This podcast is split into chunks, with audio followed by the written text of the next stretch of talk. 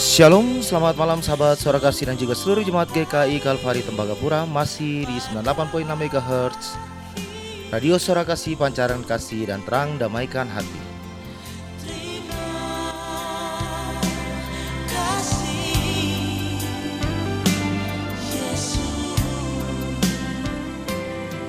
Saat ini Anda bersama penyiar Roberto di 98.6 MHz Ditemani oleh penyiar kita, penyiar sinar kita Bunda Tere di mana kita akan tetap menyiarkan teman-teman pujian dari 98,6 MHz Radio Suara Kasih, Pancaran Kasih dan Terang Damaikan Hati.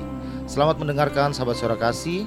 Tuhan Yesus senantiasa memberkati dan menyertai kita semua.